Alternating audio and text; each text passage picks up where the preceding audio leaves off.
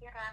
Kalau misalnya gue sakit cuma ada BPJS ya Allah belum antrinya gitu kan. Jadi kayak yang ya ya sustain yang tadi lu bilang sih yang sekarang lagi dicari Lo millennials, lagi quarter life crisis, bingung, resah. Yuk sahabat, No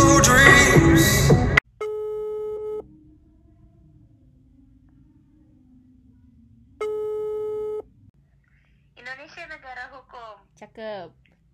Assalamualaikum Waalaikumsalam. Halo Rena Halo Hasna.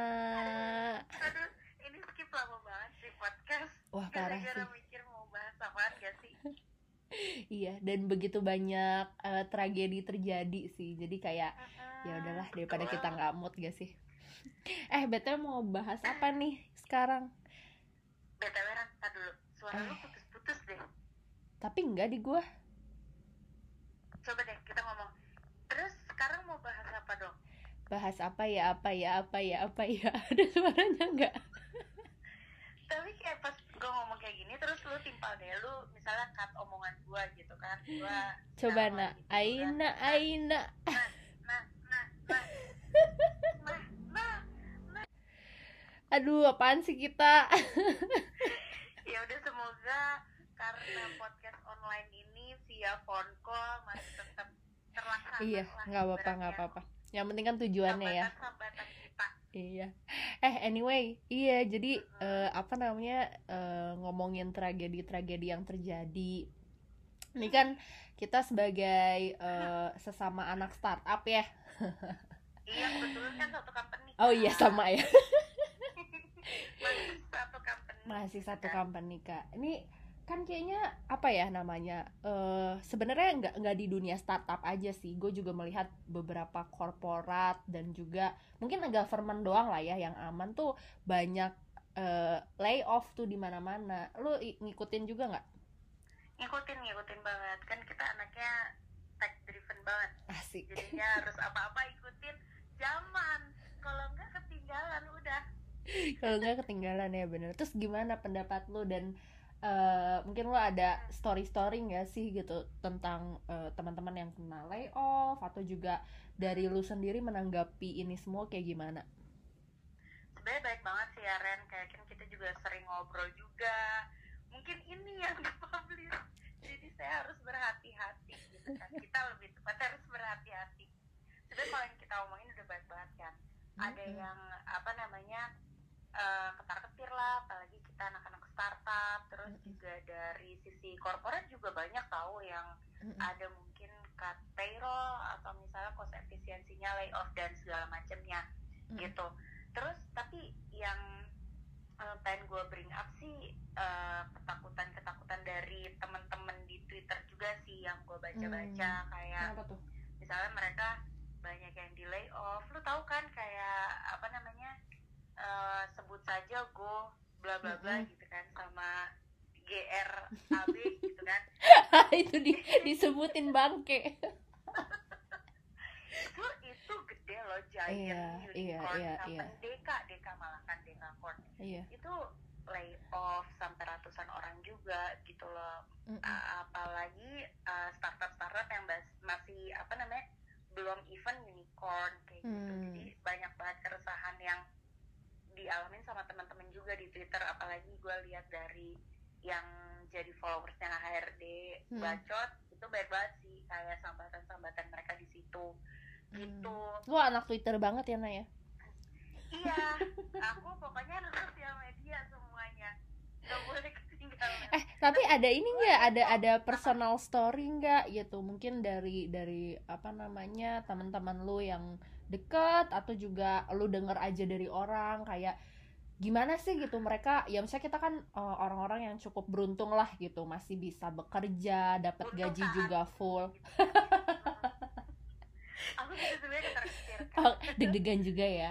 Tapi tapi gimana gitu maksudnya dari teman-teman lu apakah hmm, gue gue nggak nggak pernah ngebayangin aja sih kalau misalkan ada di posisi seperti itu bakal kayak gimana dan gimana sih mereka bisa bounce back apa udah dapat kerja lagi apa gimana sih gue gue nggak tahu ya tapi yang gue dengar dari teman-teman gue yang kena layoff atau yang masih job seeker Mm-mm. itu tuh emang kayaknya job market saat ini belum belum sepenuhnya balik lagi recover kayak dulu ya sebelum Hmm. covid karena kayak kalau lu lihat deh eh, di job eh, platform mana pun atau even LinkedIn deh itu banyak banget kan kayak job opportunity dan segala macam tapi ya mm, banyak juga masih pengangguran di luar sana gitu. Jadi gimana gitu loh.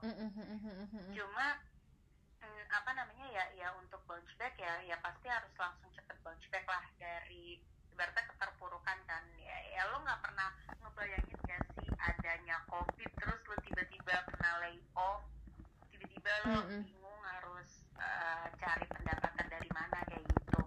Cuma kalau misalnya real case banget yang gue bring sih di sini gue belum belum ada banget sih mungkin dari lu kali atau teman-teman deket lu dari yang corporate atau dari startup mungkin ada yang kena Hmm. layoff atau langsung cerita ke lu apa I gimana see. Teman-teman gua banyaknya emang udah nganggur sih dari dulu. pengusaha pedagang penjual? Pedagang. Iya, tapi duitnya banyak-banyak loh, bener loh. Jadi ada gua satu tahu. Satu teman gua dia emang suka apa namanya eh, apa sih just tip just tip gitu ya.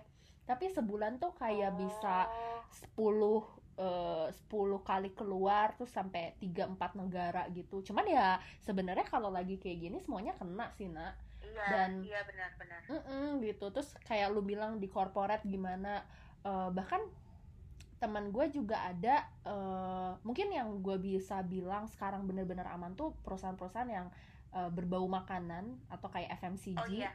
dan juga energi lah ya. Kayaknya mereka nggak kesentuh lah sama sekali gitu. Tapi ya inilah rumah sakit. Oh iya iya. betul betul betul betul. Tapi kan the rest of it sebenarnya eh, ya sama lah ya gitu kan 11 12 gitu. Cuman lu dengan adanya kayak gini suka mikir gak sih kayak aduh coba dulu gue masuk corporate ya gitu. Atau jadi PNS aja lah gitu kayak aman gitu hidupnya paling aman tentram sejahtera ya cuma kan balik lagi kan kalau misalnya kita ngomongin terkait eh, kayak gue nyesel jadi startup gue pengen corporate Mm-mm. ya ya lu juga pernah bilang kan kalau misalnya anak corporate juga dulu sempat FT juga kok sama anak startup Hmm, kayak gaji-gaji di startup kan itu ngerusak market banget kan iya ya. seharusnya mungkin ya di corporate dapetnya berapa di startup lu bisa berkali-kali lipatnya kayak gitu Iya, iya. jadi Eh, tapi Bu sama aja loh. Kan sebenarnya eh, gaji start anak startup gede itu biasanya karena nggak ada eh, allowance atau benefit-benefit Yes. ini kan yang didapatkan oleh para anak korporat, betul? betul Sebenarnya kalau kita jumlah-jumlah sama aja loh dapatnya. iya sih tapi kan banyak allowance yang tak Ah, misalnya ya lu dapat Mhm. eh, insurance kan bukan berarti lu pengen sakit terus gitu kan iya iya iya. tapi kalau di startup ya emang nggak semuanya dapat private insurance cuma kan lo digedein di gaji lo take home pay lu kayak gitu ibaratnya yang Iya. mungkin kalau lu apa namanya compare sama temen-temen lu yang apa namanya nggak di startup gajinya bisa bisa jauh beda padahal misalnya year of experience lo sama temen lo sama gitu Iya. kan itu juga ini tahu itu juga kadang bikin dilema kayak eh apa namanya kan kalau dulu sih eh, since kita apa namanya ya mungkin masih muda terus juga kayaknya nggak ada beban hidup dan lain-lain kayak ya pokoknya gue mau kerja yang fleksibel bebas dan lain-lain ya tapi Iya. as time goes by kan lo akhirnya mikir kayak oh gue butuh ya yang namanya maternity fee since kita kan nggak tahu ya suami kita kayak Betul, gimana betul, betul. kan dibahas tuh sama eh, konsultansi keuangan. Oh kenapa tuh kenapa? puluhan juta tuh lu lahiran. Iya kan bu? iya kan? lagi aja apa baiknya ya?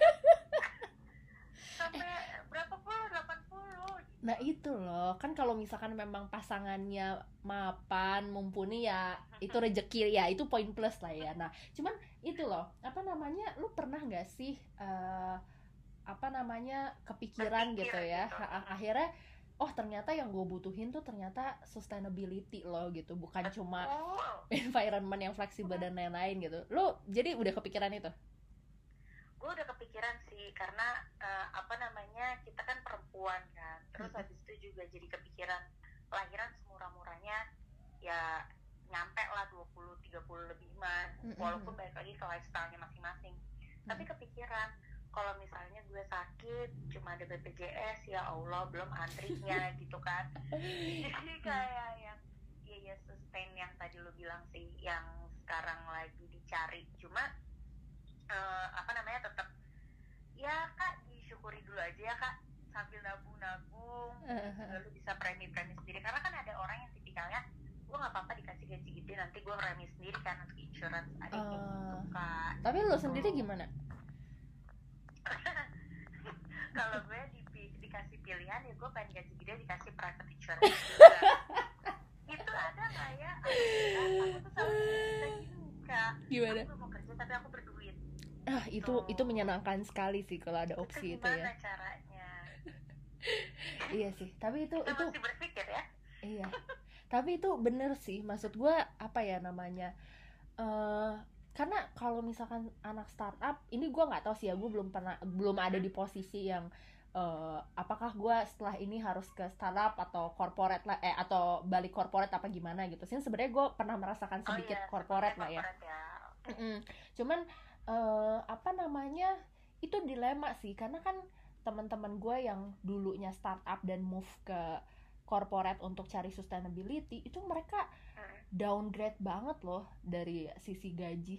Kayaknya tuh oh over budget apa gimana kali ya waktu di waktu di awal eh, dia apply gitu ke company-company yang memang udah masuknya large enterprise gitu. Nah, kalau lu sendiri lu mau mengorbankan itu gitu.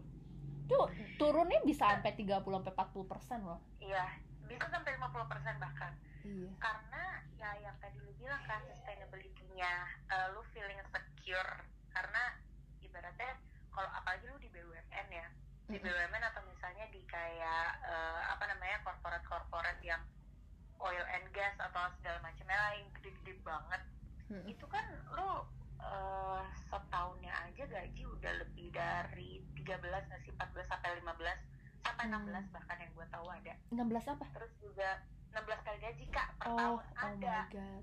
memang ada di luar sana Wow. Nah, tuh kan itu kan yang makanya gue bilang kan, sekarang kita 40% misal nih ya, misal eh, kayak temen gue itu 40% gajinya lebih tinggi.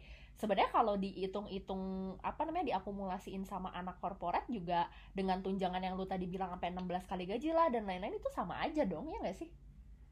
iya benar cuma kan mungkin yang dicari dari startup ya itu yang tadi lo mention di awal kan eh, fleksibel terus juga environment anak-anak muda banget nih apalagi bisa nongkrong bareng bisa bercanda bareng maksudnya sama lah frekuensi frekuensinya. Kalau misal di corporate lo sama seumuran orang tua lu yang mungkin pace-nya juga beda sama lu Iya. bercandanya beda. Terus Ngomonginnya juga- apa ya kalau anak-anak kayak gitu ya? iya julidnya beda gitu kan. Mungkin itu yang dicari sama anak-anak sekarang termasuk kita juga kan buat di startup kayak gitu loh. Cuma semakin lu eh, dewasa semakin lu grow up yang tadi lu bilang ya lo mencari eh, hal yang lebih em, membuat lu merasa secure ya kan kayak see. dari sisi benefit-benefit yang lain terus juga dari sisi ibaratnya lo aman lah dari hal kejadian kayak covid gini nggak Mm-mm. terlalu kena impactnya tuh parah banget Iya, iya, iya. gitu loh Tapi- kayak ketabrak truk tuh bener-bener ketabrak truk gitu loh Udah ketabrak kelindes lagi ya. kendes lagi ya kan bener-bener ya ya gitu Iya, emang iya, keadaannya gitu loh. Tapi ya di mana ide lu bisa digunakan suara lu bisa digunakan kayak gitu sih. Mungkin yang dicari orang-orang untuk bisa apa namanya kerja di startup kayak gitu. Oke, I see. Tapi ya kan? Mm, mm, mm, mm, setuju setuju. Coba kalau misalkan eh, dari lu sendiri ya atau mungkin lu juga dapat sharingan dari teman-teman any plan gak sih? Karena kayaknya untuk apa ya menurut gua lu bukan harus winning sih di posisi kayak gitu yang penting survive dulu gitu survive Iya kan, stay sane dulu lah gitu. Yang penting lu waras, nggak nggak aneh-aneh, nggak ngobat dan lain-lain. Yang penting itu dulu. Ya udah gitu. Nanti after pandemic end baru eh, apa namanya planning lagi gitu. Tapi kan eh maksudnya in the meantime ini lu ada plan gak sih gitu kayak harus ngapain terus juga gimana biar bisa survive stay sane yang tadi gue bilang. Iya eh, banyak nggak sih caranya setiap orang? Mhm. kalau kata apa namanya pengusaha-pengusaha zaman sekarang apa? Apa pivot pivot ya? Changing changing bisnis ya?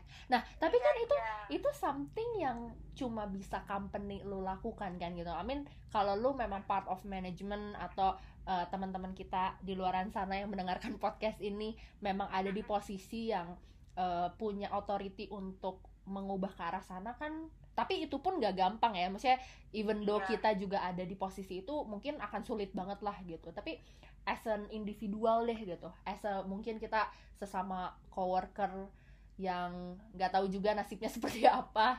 Apa sih yang menurut lo bisa bisa lo lakukan gitu? Karena juga sebenarnya lo komplain komplain lo stres dan lain-lain nggak ngubah apa pun ya kan. akan membuahkan juga kan. Mm-mm, mm-mm. Ya paling do your best aja nggak sih? Kayak orang-orang biasa ngomong gitu kan. Klise Kayak- tapi emang itu ya gitu ya. Itu tapi emang ya ya itu doang yang bisa lo lakuin. Do your best di kerjaan lo sekarang sambil lo apply gitu loh. Iya kan? Cuma apply pun ya saat ini emang lagi ibaratnya apa ya masa paceklik gitu Mm-mm, loh betul betul. Susah. Tapi ya nggak ada salahnya juga lo usaha sambil kembangin skill-skill lu. Ya banyak lah tips-tips di LinkedIn di Mm. Twitter di Instagram gitu kan. Kembangkan skillmu. Banyak webinar-webinar kayak gitu kan. iya sih. Ya sama aja sih. Benar tapi kalau kalau misalnya nih yang penting halal ya. Tanya. Haram agak haram gitu boleh. yang penting halal. Haram hanya dilaksanakan oleh Rena. Aja. Kita kita mah halal halal aja halalan toiban gitu. Tapi kalau misalnya dari sisi lu Ren Mm-mm. apa sih eh, lu kan udah pernah eh, bekerja di korporat terus Mm-mm. juga sekarang di startup Mm-mm. terus untuk ke depannya lu lu masih bingung nih lu mau eh, decide untuk balik lagi ke corporate culture atau tetap di startup Mm-mm. tapi yang pengen gue tanyain apa sih perbedaan yang signifikan karena kan tiap orang berbeda-beda Mm-mm. gitu cuma kalau misalnya dari sisi lu nih eh, mungkin kelebihan kekurangannya apa sih dari corporate atau startup sendiri Mhm.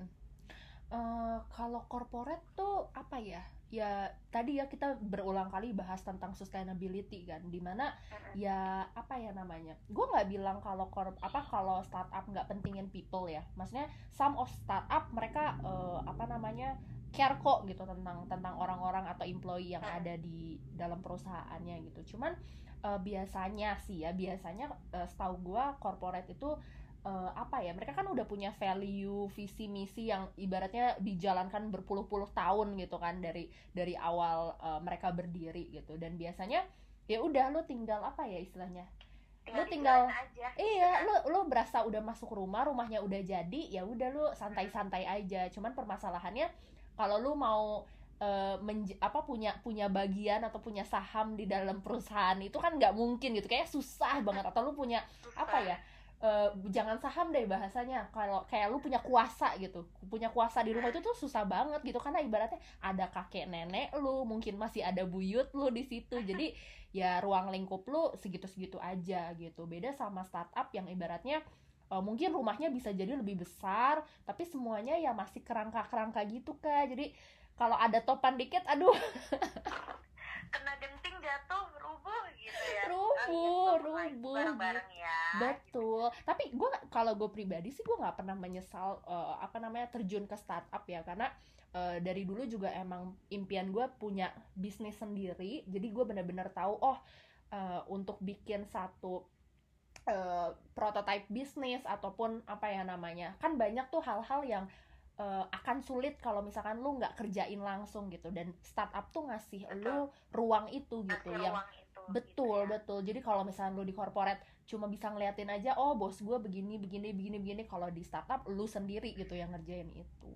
Cuma kalau next gitu kan. Iya bener. Cuma kalau next gue jadi istri orang kali ya. Gitu nak. Ah, oke oke. Dari kalau gitu ya udah Hmm. udah di penghujung jalan kan, jadi kita mau closing statement dulu. apa Mungkin tuh dari Ibu Rena dulu gimana?